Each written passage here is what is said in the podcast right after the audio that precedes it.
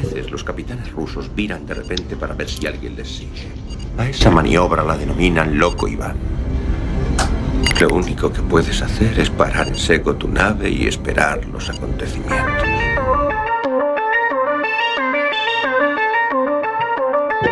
Yamasphere 347 of Space Patrol calling unidentified ship. Good night, todos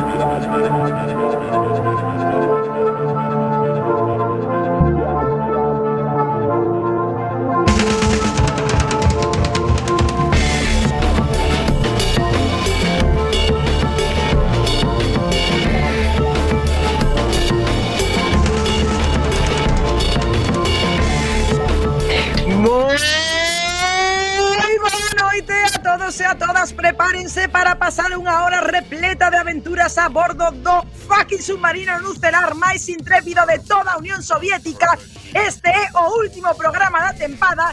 Estamos toda tripulación vacunados coa vacina Sputnik e de aquí en diante só nos queda acabar coa amenaza capitalista que está representando Sloppy Biden.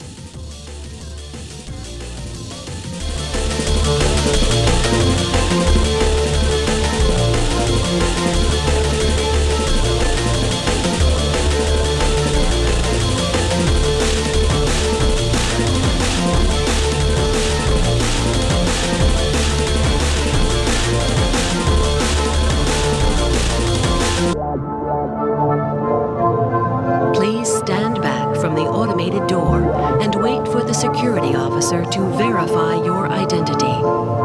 Before exiting the train, be sure to check your area for personal belongings.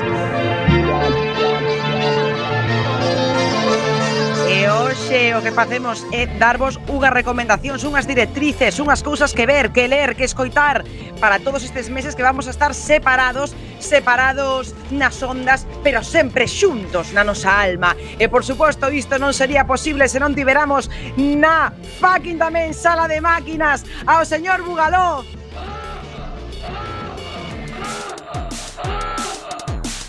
Temos o querido xefe de Torpedo xa en misión especial Creemos que está bombardeando eh, Algo está pasando por cerca do Reino Unido Pero, por suposto, está mm, cun coitelo xa nos dentes. Aí está a Sarxento Beosca, moi boa noite.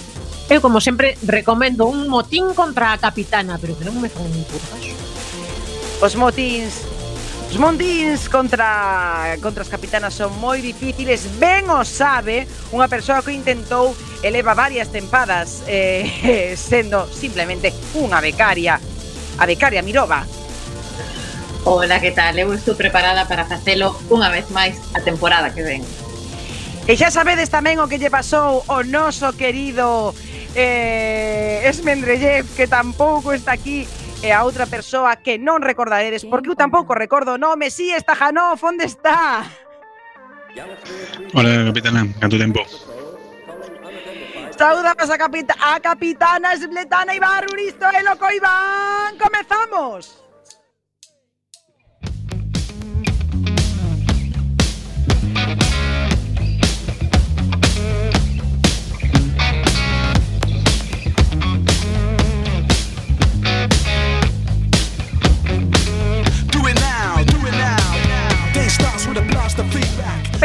pregunta. Mm, pregunta para levar eh, un doblón de ouro do María das Mercedes, por exemplo, hoxe para casa. Quen sabe cale o número que tería que chamar alguén se alguén do hiperespacio se quixera poñer en contacto con nos? Pois é moi fácil, capitana, só teñen que chamar o 644 73 73 03.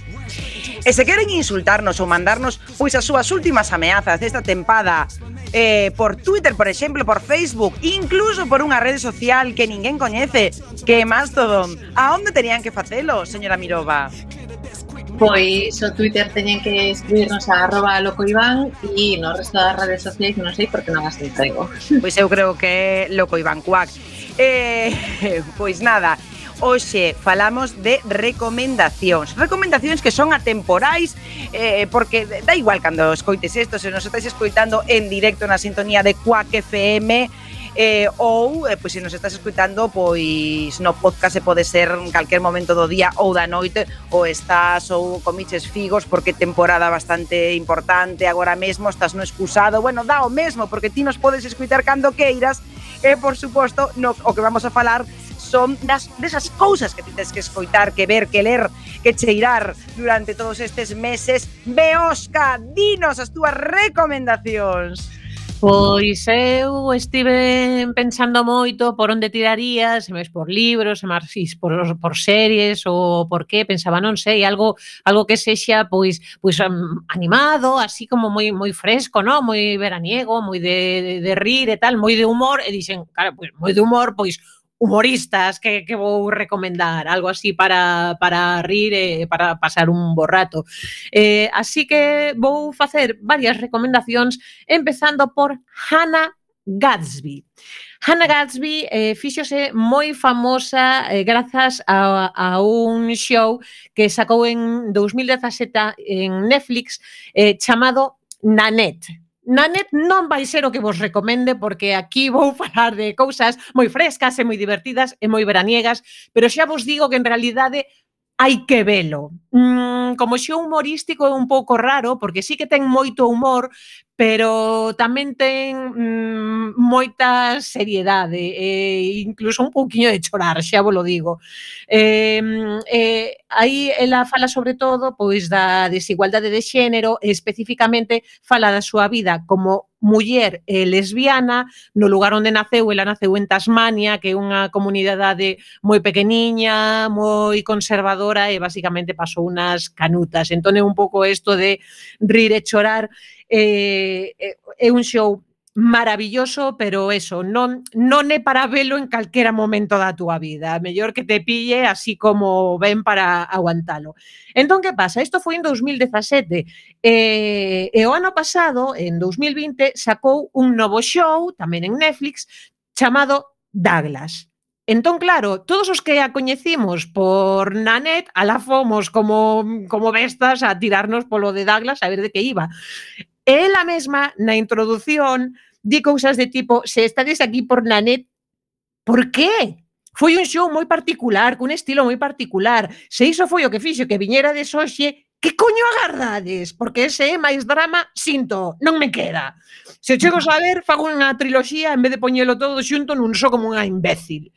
E a partir de aí explica como vai ser ese show, di, non vai ter nada que ver con Nanet tampouco ten en realidade moito que ver con ningún show humorístico. É moi humorístico, ris a dolor, pero o fai dun xeito moi diferente. Ela empeza cunha longa eh, explicación mm, sobre como vai ser o show, que é o que vai pasar, que é o que te vai sorprender, eh, e logo fai o show. Bueno, fai o show, evidentemente a introducción é parte do show. E, e vai facendo todo, todo o humor que utiliza é moi diferente a, ao normal e efectivamente todo o que ela di que vai suceder sucede. Normalmente te pilla desprevenido e iso que xa viñas avisado. Eh, entón, eh, bueno, é, é moi fresco, sí, é moi original, é moi diferente, e dende logo o, o recomendo a todo mundo este Douglas de Han, Hannah Gatsby. Por outra banda, tamén me gustaría recomendar a Hassan Minaj, que é un, un humorista eh, estadounidense, ele é fillo de indios, pero a ver, ele fillo de indios é o que lle chaman un eh, emigrante de segunda xeración, pero que el di que, que migrante de segunda xeración nin, nin que hostias, eu nacín aquí, eu son americano, eu o que coñezo é a, a cultura americana e é coa que me sinto eh, máis identificado. Claro, coñezo cousas a través dos meus pais, a India e de todo isto, pero eu son americano. Eh, entón tamén conta a súa vida como entre comiñas, eh, inmigrante de segunda xeración, pois eso, moitos sucedidos da, eh, da, da súa infancia, da, de, da súa adultez tamén, que está a verdade moi moi interesante.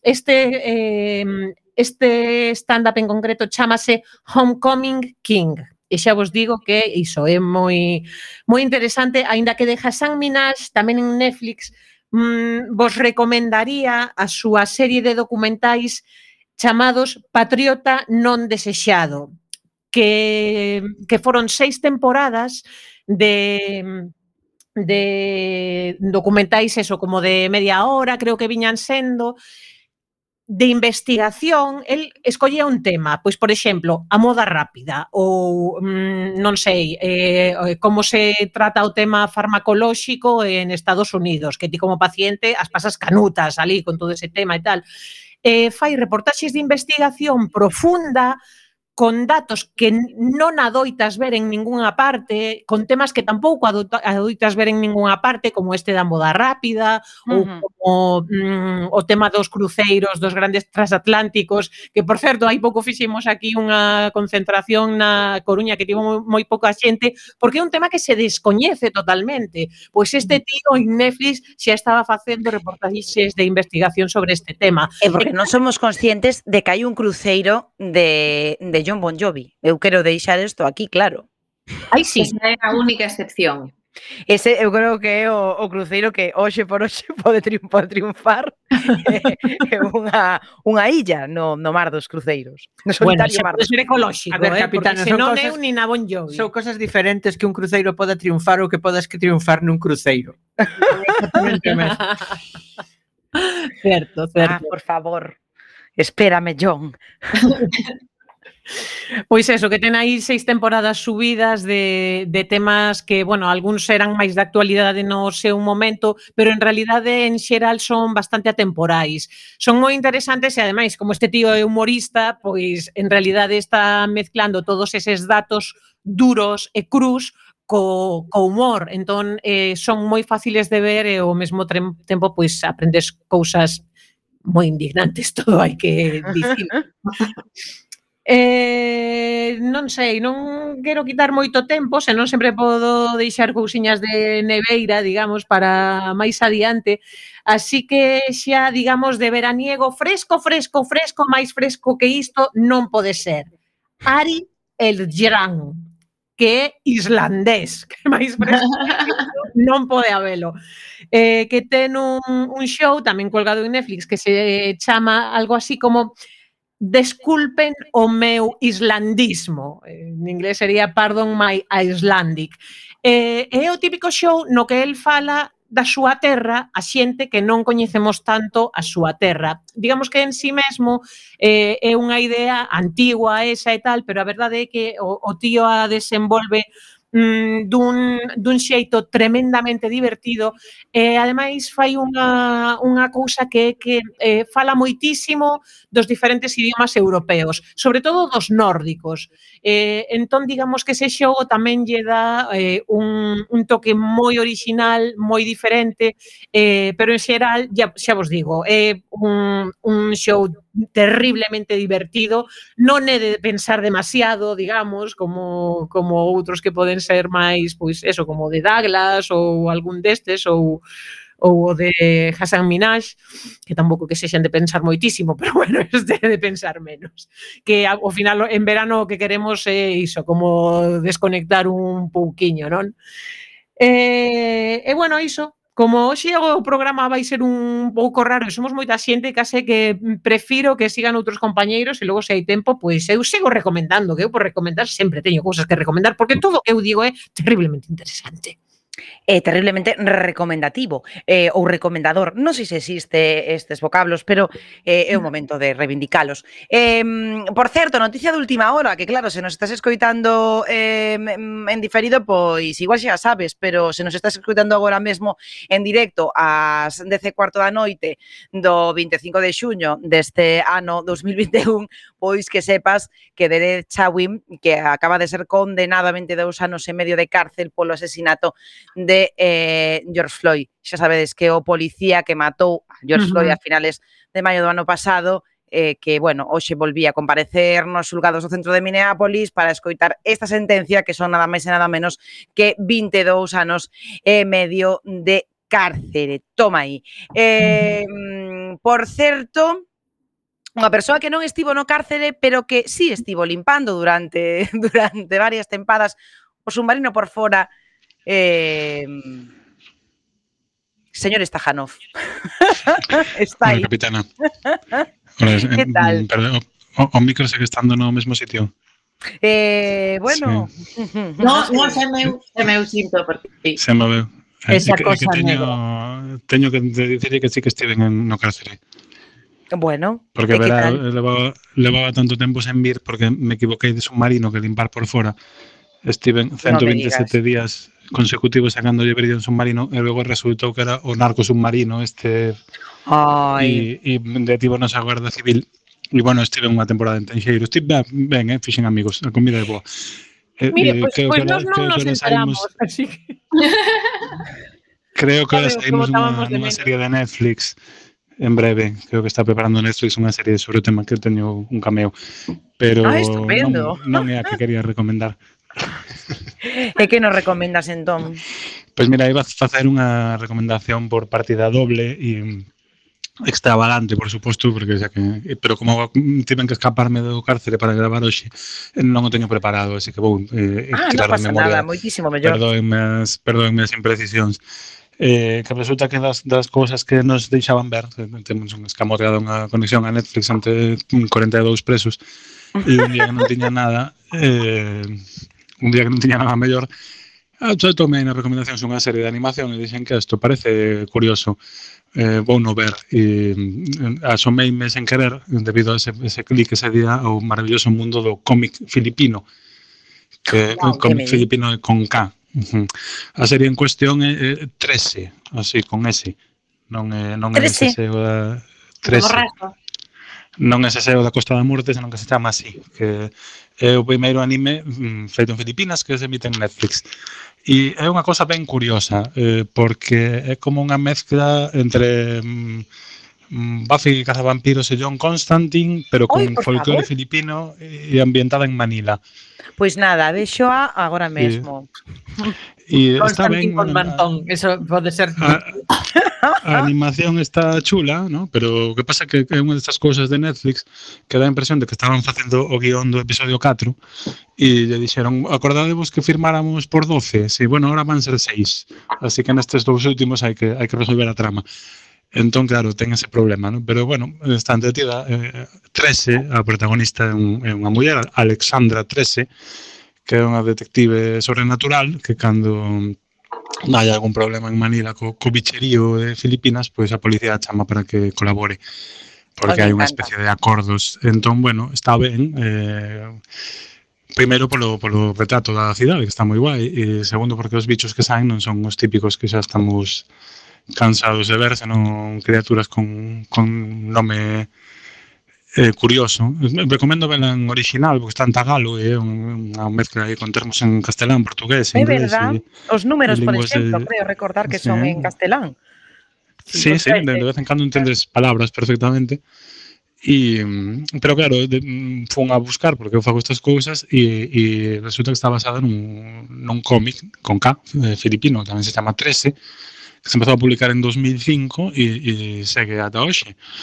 E parece que tivo, mm, bueno, un relativo éxito e chegou a publicarse en Estados Unidos. Podes atopar por aí pola Deep Web.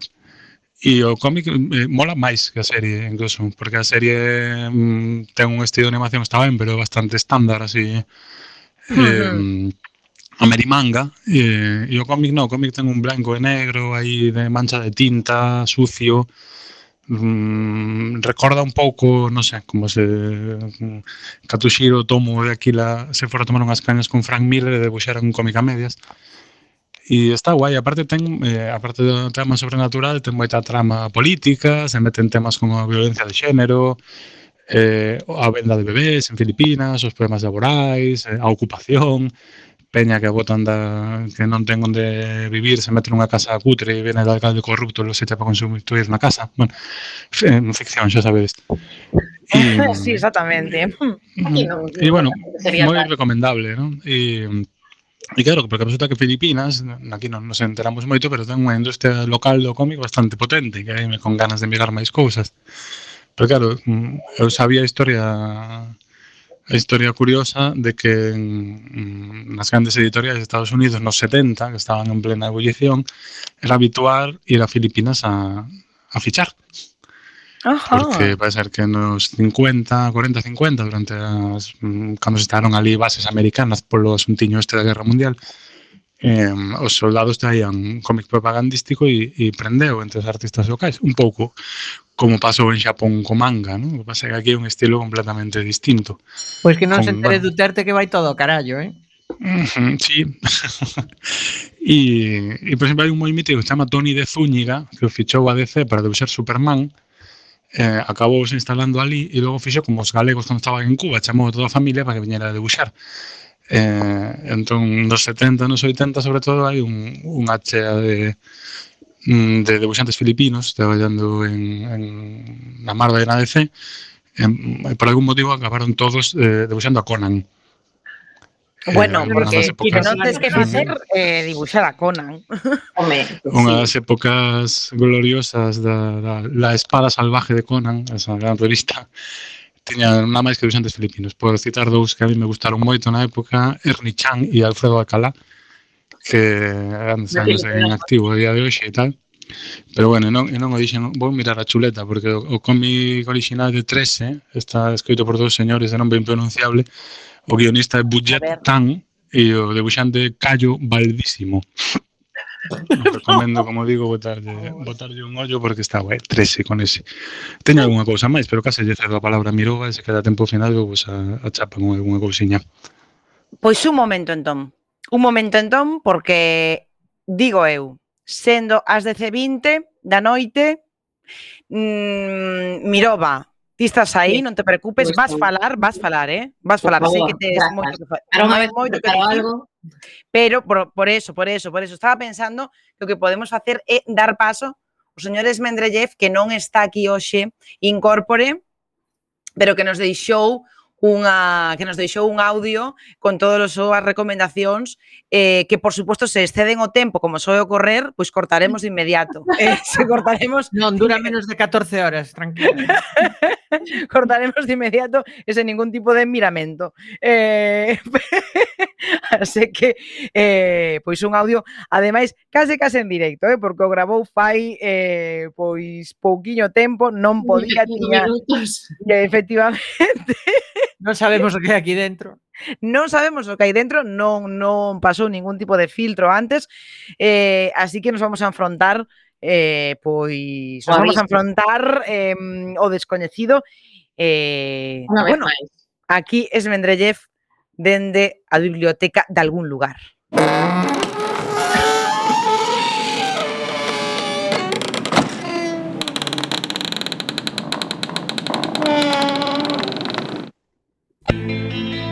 Nestes tempos de verán, onde as noites estreladas, temos máis preto firmamento. Venus, esa estrela brilante que nos saluda polas mañáns, Marte, o punto vermello cheo de canais, a Lúa, chea onte, moi bonita por certo, as estrelas, o espacio entre as estrelas e os abismos insondables do vacío cósmico. Dicía Kepler, pero quen mora nestos mundos se que están habitados? Somos nós ou eles, os señores do universo. E por que todas as cousas han de estar feitas para o home? E digo eu, se neses insondables espazos de materia oscura, onde primixenias moléculas orgánicas se combinan entre elas formando mesmo al que tren primordial que deu lugar á vida na lama dos océanos terrestres fai 4.000 millóns de anos, máis alá do cinturón de Kuiper, máis alá das portas de Tannhauser, hai outros. Outros que están, quen sabe, se evolucionando, quen sabe, se mutando, quen sabe, se posuidores dunha inteligencia maligna que nos observa desde a escuridade e nos envesa e nos aboguece por vivir baixo a luz do sol e o doce calor do verán.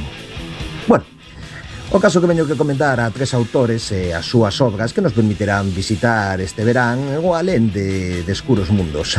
Eu gustaría empezar por William Hop Hodgson, nacido en Exes o 15 de novembro de 1867 e morto en Ypres, Francia, o 19 de abril de 1918, e que foi un escritor inglés Tivo unha vasta produción literaria, incluindo ensayo, poesía, conto e romance, pero sobre todo destaca polas súas obras de horror cósmico.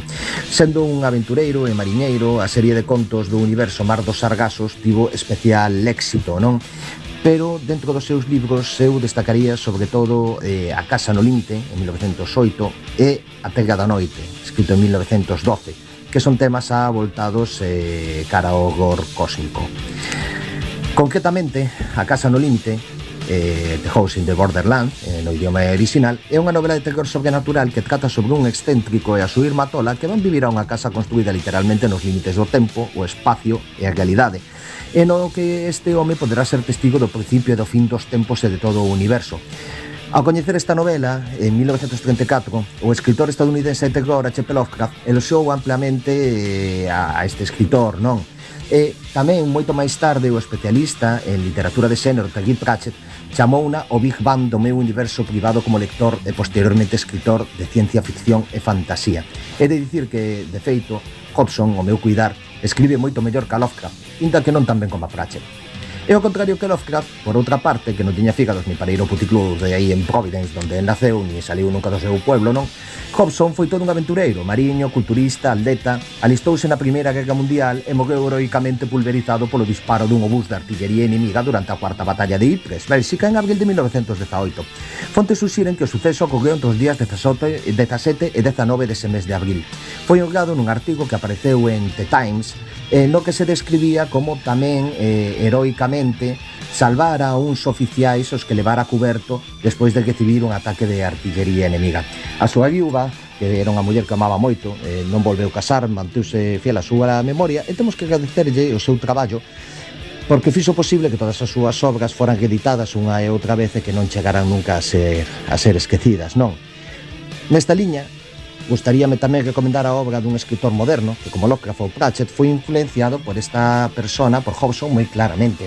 Estou a falar do argentino Claudio García Fanlo, autor dunha serie de novelas das que gustei moitos, eh, chamada a primeira delas A Casa Hiperbólica, Nesta novela participamos no despregue dun misterioso dispositivo Lovecraft nunha casa cusa sometría non euclidiana rompa a simetría do espacio-tempo. Cando tempo e espazo se dan atravesados por paralelos abergantes, cando a xeometría transforma a realidade, cando todo real deixa de selo todo o que parece pode ser. A búsqueda de entre dous personaxes a través do tempo transportanos ao percorrer dos planos dunha extraña e dar a xeometría espacial que leva os laberintos outras dimensións por outros mundos posibles. A armonía está disfrazada de caos e a casa dos soños dos protagonistas pode converterse nun pesadelo. E non vou tirarme el gollo, a verdade é que paga pena ler. Ler, balada, de verdade que vale a pena. E para que matar, quero falar outro escritor, este español, gaditano, Juan González Mesa. Tensa unha extensa obra, mas eu destacaría dúas novelas, Xente Morta e O Exilio de Amunsar.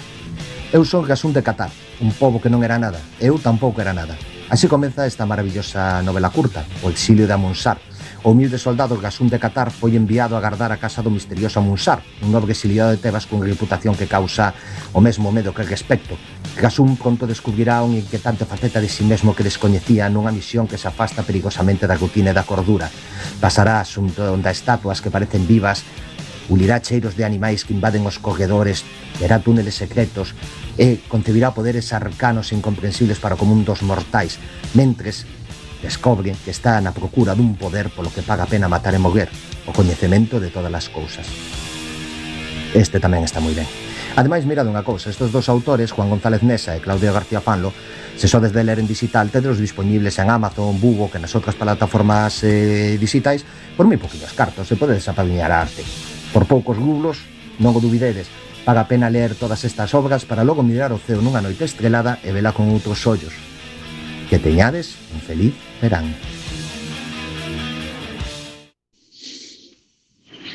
One and a two.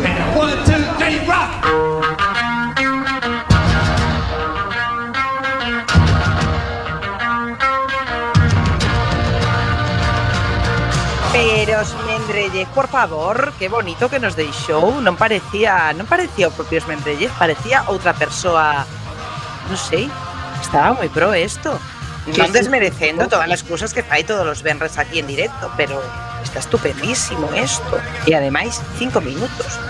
Así que, eh, como vamos moi ben de tempo, nos vamos á sala de radio onde seguramente o señor Bugaló pues queda ali anclado durante meses ata que regresemos.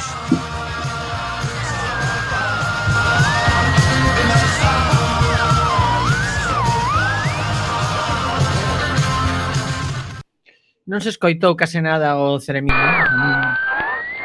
É así. É que se non, non hai... Sen Ceremín... Pois eu non traio moito, xa verdade, pero pero eu só traio unha cousa para recomendar. E supoño que que moita xente xa a, a coñecerá eh, vos tamén, pero que pero que non sei. Vas bueno, a recomendar outra vez Non, por favor. Podería facelo, podería facelo, pero xa dixen, ui, igual, igual me afean la conducta. Ben afeada estaría. Algo, algo máis ruso, algo menos americano. Pista. Priviet Tovaris, bienvenidos a Destripando la Historia con Pascuatov y Rodrigovich. Hoy os vamos a contar la historia de Anastasia. Una nueva Romanov nace en San Petersburgo. Anastasia es la hija del zar Nicolás II. Tiene otras tres hermanas, Mary, Olga y Tatiana. No las trates de princesas porque son grandes turquesas. Svipsik, Azarno, Anastasia Nikolaevna. Le tiró, le tiró a su hermana, a su hermana una piedra, una A la cabeza, a la cabeza. hace trampas en las cartas. Va y te roba la cerveza. Si te pega, tú te aguantas, no te metas con su alteza.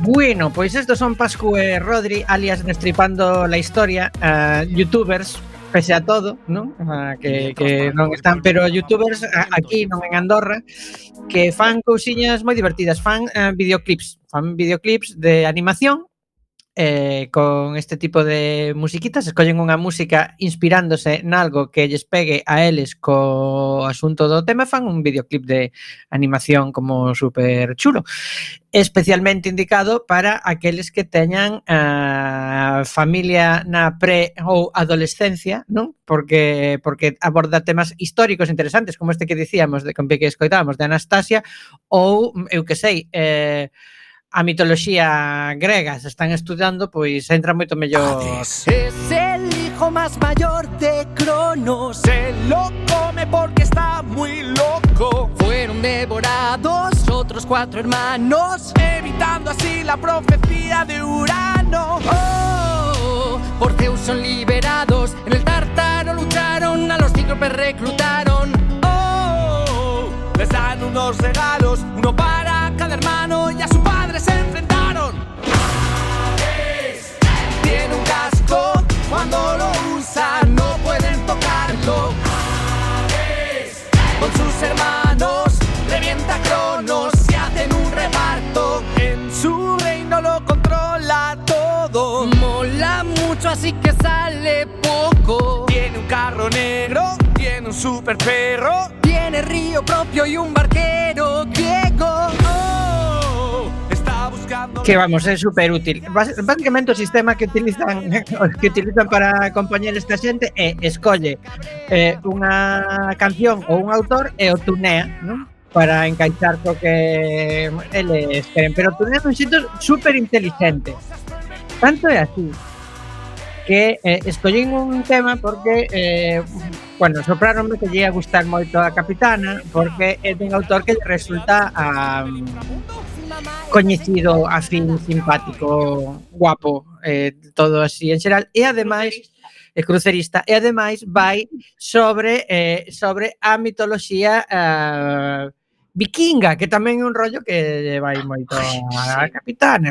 Eh. É verdad. Entón, pois iso, toma de nota, destripando a historia en YouTube paga bastante a pena. Hola, posturetas del paganismo. Bienvenidos a Destripando la Historia con Pascu y Rodri. Hoy os vamos a Únense contar todas la las cosas que, de que, que máis me poñen.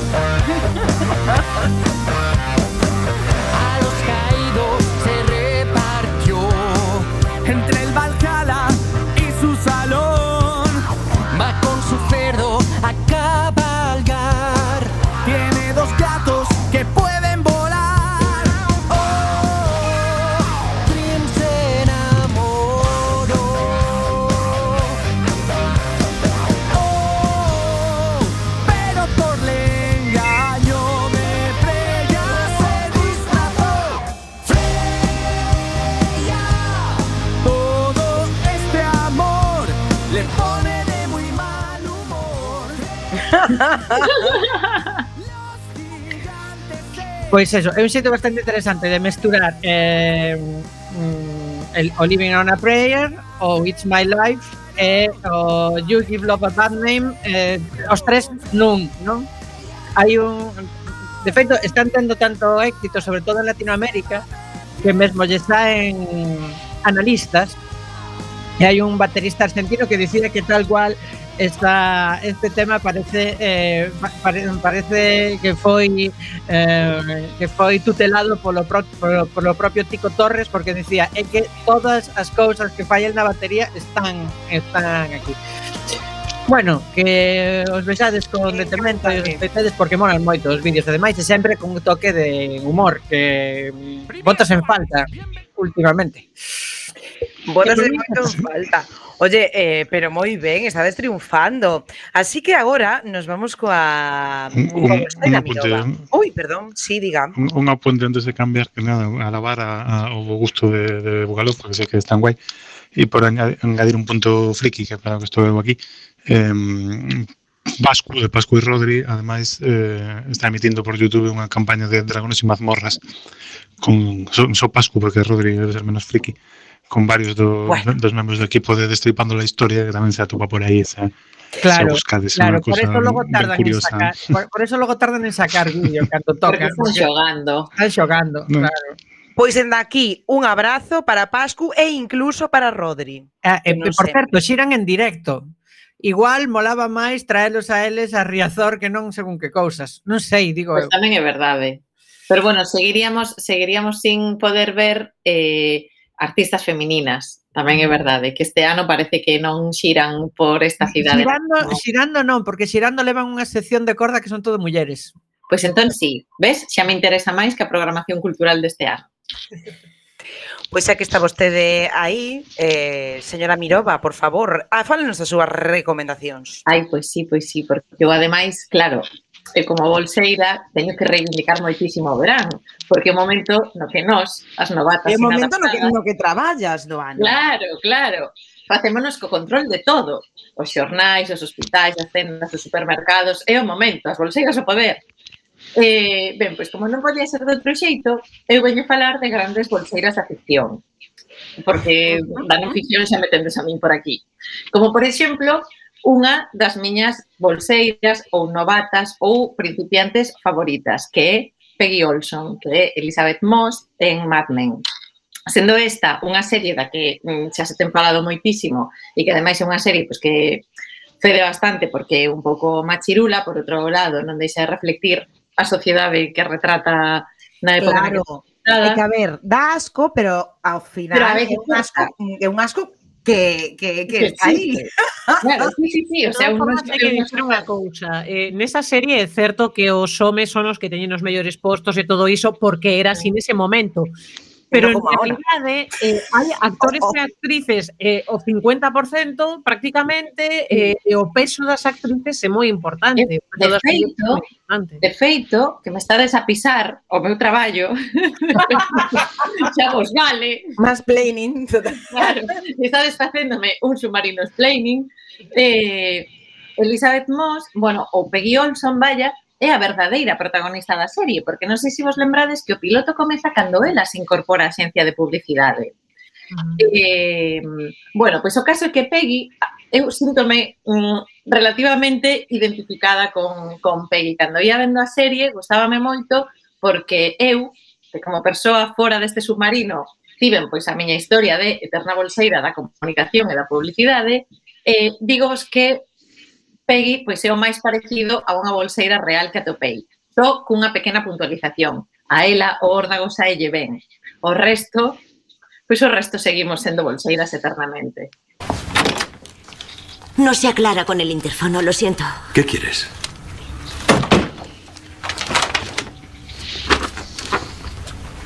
Joey lo pegó en la ventana de Joan. ¿En serio? Sí, y le falta el respeto a Joan y también me lo falta a mí. ¿Narrativo? ¿Perspectiva forzada? ¿Seguro que es de Joey? Sí. Le dije que no lo hiciera. Yo de vosotras no lo consentiría. Pero no piensas hacer nada. No he dicho eso. Oye, Peggy, despídele. ¿Yo? Pensaba que irías tú a gritarle. Grítale, despídele. Créeme, es mucho mejor que no me meta en esto. Pensarán que eres una chivata. La doctora Miller ha llegado. Que pase. ¿Quieres respeto? Pues sal y gánatelo. Oh, lo siento. Siéntate. ¿Va todo bien? Sí.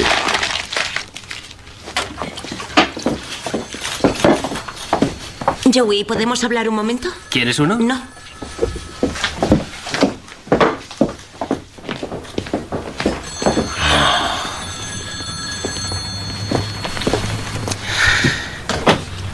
Lo siento, ¿vale?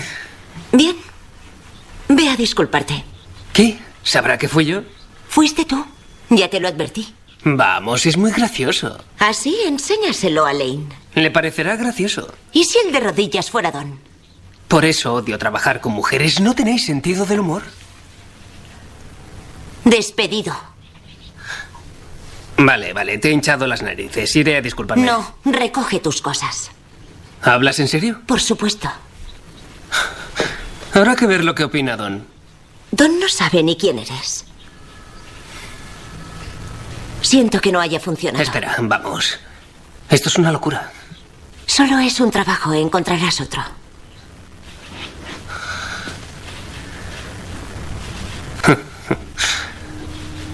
Estaba equivocado contigo.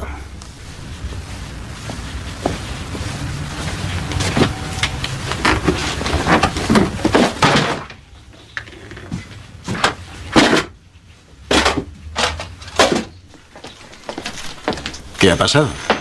Cuidado, se acabó la diversión. ¿Qué? Eso es todo, amigos. ¿Va en serio? La mosquita muerta a picar. Te llamaré para tomar una copa. ¿Están? Aparca lo de Big Chemical y ponte con Mountain Dew. El poder de la vagina. Bueno, pois iso, pois o poder da vaxina. Total, que Peggy Olson é moitísimo. E xa que a cousa vai de recomendacións estivais e entroncando con Elizabeth Moss, eu veño recomendarvos para que este verán aproveitedes, pois por si hai, eu que sei, reconfinamentos, néboa ou eses momentos que volvades de festa das 3 da mañán para ver outra super serie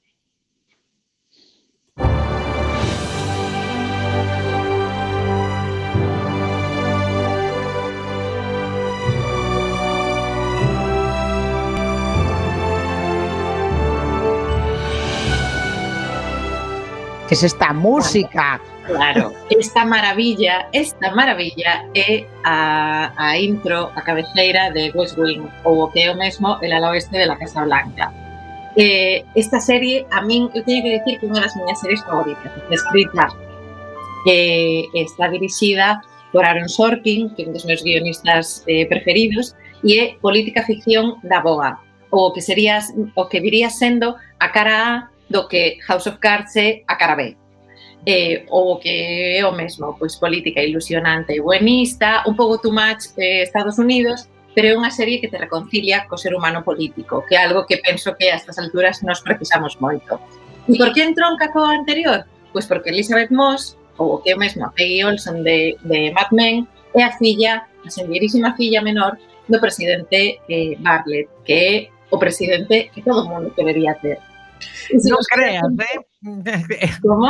Eu, eu vino outra vez o ano pasado, me parece un chisco reaccionario. Sí, un pouco ya, eslopillou demais. Non deixa de ser Estados Unidos. E ademais está ambientada, claro, está escrita nun momento moi concreto. Está escrita eh, tras o 11S, está, claro, non deixa de ser pois, pues, o que é.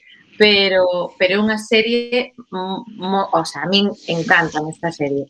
E, mm, e que máis? E xa si vos queda tempo, despois de ver todo Mad Men e despois de ver todo a la oeste, eh, e con eternos, falando de eternos novatos, eternos bolseiros, xente que comeza de cero en lugares absolutamente insospeitados, e como é o meu selo de, da casa facer recomendacións viejunas, non podo marchar todo verán sin recomendarvos esta maravilla de serie.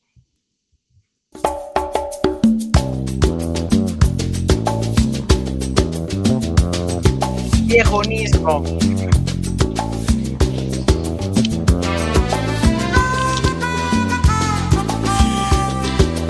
Pero aquí- aquí non sei a Elizabeth Moss? No, no, no, no, sei non, por iso digo, xa sin ela, pero falando de eternos novatos. Pero sal- saía ra- había un prota radiofonista. Claro, esta serie, eu penso que non hai ninguén que escoite este programa que non recoñecese a intro de cabeceira desta serie.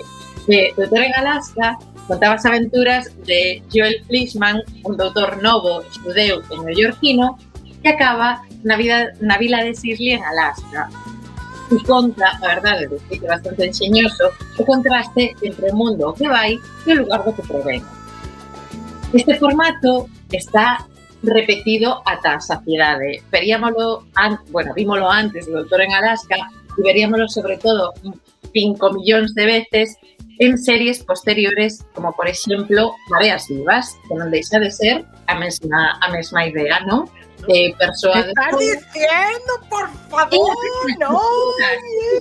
Exactamente a mesma estructura, pero en aborixe. Ou en películas como, por exemplo, eh, Benvidos ao Sur.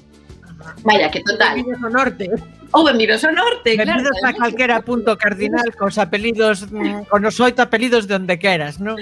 Efectivamente, non deixa de ser esa premisa de persoa que ven de fora a un lugar de moita raigame no que ten que adaptarse. Eh, total, que temos exemplos destes a barra. Estosar, por favor! Vaya, que verán está para isto. Para parecer unha bolseira, para comenzar unha e outra vez, e que viva o verán, que non deixa de ser tempo de novatas. Que, bueno, oxe, oxe, quedou oxe, bastante ben, mm, quedou bastante sí, ben.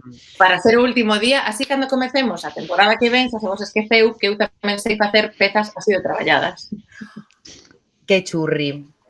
Mm, eh, bueno, vamos a ver, pois no que queda vou a recomendar unha serie que xa vos recomendou todo o mundo nestas últimas dúas semanas ou tres, pero que se non a bichedes, estades correndo para vela, que Toda non sei se está o, o curte secreto. Non está, está, está, uh -huh. ben, está en inglés, da igual, eh, eh maiormente non nos entraremos, pero vamos a poñer para facer un pouco de bonito. Por favor. I'm Richard. What's your name? Mayor. Give it up for Miss Lady Hawk herself. Why do they call you Lady Hawk? I made a shot in a basketball game 25 years ago. They think you're a hero. Oh, I love it. Look at that. Must have been some shot. Most places, no. Around here, yeah. What do you do, Mayor? I'm a detective. A detective? You don't have any bodies hidden under your porch, do you? Uh, not yet. Suficiente, xa está. agollichedes algunhas frases ao azar e supeichedes traducilas e vos sentides políglotas. Bueno, pois aparte disto, importante. Cal é esta serie? Por favor, Bolseira, diga vostede. Esta serie chamase Mare of Easttown. É unha serie que está na HBO e é maravilla. Sete episodios, non hai que perder un minuto desta serie. Efectivamente, Mare of, of Easter, que ti podes pensar que está falando chiquito da calzada, pero porque pero Weasley. Por que recoñecerás ou por que recordarás a Kate Weasley? Pois ti recordarás a Kate Weasley porque era a muller que matou a Leonardo DiCaprio en Titanic. como matou egoísta. O, o, o recordamos eh, porque ali nesa táboa había sitio para dous e para tres persoas pero Kate Winslet dixo, no, en esta tabla, amigo, solo entro yo. E Leonardo DiCaprio, que naquel momento era unha persoa impúber e non fofisana, senón delgada, tirando a, a miñoca, morreu. Efectivamente, porque non tenía grasa corporal, que diría mi abuela. Non era como eh, as focas de Freya. Efectivamente. Bueno, Aparte de todo esto, eh, digamos que eh, a serie, a mí xa sabedes que me gusta moito eh, as series de investigación policial e de crime, e esta é super redonda. E principalmente, pois, eh, con algo que falamos moitas veces nas series, que aquí o protagon, a protagonista é esta, esta inspectora que é Mer, eh, pero tamén para min eh, é super importante o escenario, que decir, o escenario é unha parte máis eh, ou é un actor máis. Eh, é un pobo de Pensilvania, eh, ao mellor só o penso eu, pero creo que na serie tamén podes ver de refilón ou detrás moito sobre sobre esos estados do óxido, sobre ese trampismo que todavía se mantén. Eh, ves tamén moito eh, a pobreza, as dificultades raciais E, eh, pois, bueno, pois é unha investigación na que todo aparece cunha rapaza que aparece eh, morta é esa investigación. Vos animo, son eh, sete capítulos. Mm. Sabedes, non sei se o bichedes, que parece ser, así que non vallades, o Twitter do noso ben querido Stephen King, que Stephen King descubriu eh, quen era o asasino eh, pois como eh, antes do último capítulo dice eh, non sería este, a ver, eu creo que pode ser isto asasino, porque efectivamente fai algo que está moi guai e que xa non se, xa non se fai moitas veces que é que ti ou eu polo menos, que xa sabedes que me creo pois eh, un poquiño superior á media e incluso ás tres cuartas partes, 90% por 90% 90, sí, da poboación, 100%. Bueno, eh, pois eu dixen, joder, que listas son, eh, que merda esta peña, porque está claro quen é o asesino, de, pero non, non é ese. Eh, no. Pero o bo desta serie é que efectivamente eh, te fai creer eh, te fai pensar que ti sabes quen o asasino ata, ata o final. Sí, ata sí. o último capítulo. Eh, está moi ben e, sobre todo, tamén, como nos quedan uns minutos, vos quería preguntar por unha eh, non polémica, senón simplemente que mm, me fode especialmente como feminista ao final que, no, o que, que nos estamos quedando con esta serie con algo que destacaron todos os medios, que é que esta serie mola moitísimo en principio porque é unha reivindicación de Kate Weasley porque Kate Weasley sae eh, non especialmente gorda, sae como unha señora... Mmm, unha muller normal. Unha muller normal. Sí, sí. Eh, pero, bueno, pois ela tamén ten unha traxedia familiar que se conta tamén, está nun segundo plano eh, na serie, entón digamos que Kate non é unha señora que especialmente se arregle eh, sale cunhas raíces daqui a pasado mañana que poderían xa ser mechas californianas, pero non, eh, en realidade son eh, que non tiño pelo dende fai eh, dúas tempadas anteriores. Eh, e todo o mundo destacou eh, iso, que Kate Winslet quixo sair con, bueno, pois coas arrugas que ten unha persoa, muller ou home, eh, de 50 e pico anos, e eh, digo eu, joder, vale, está guai, tío, pero por outro lado digo, hostia, Por que nos estamos fixando tanto nisto? Ah, pois sí, pasa... Por que así? Porque reivindicar a normalidade eh, pues parece que, mm, o sea, efectivamente algo que temos que seguir reivindicando, o sea, que todas somos eh, señoras de su casa, normais e corrientes e non supermodelos.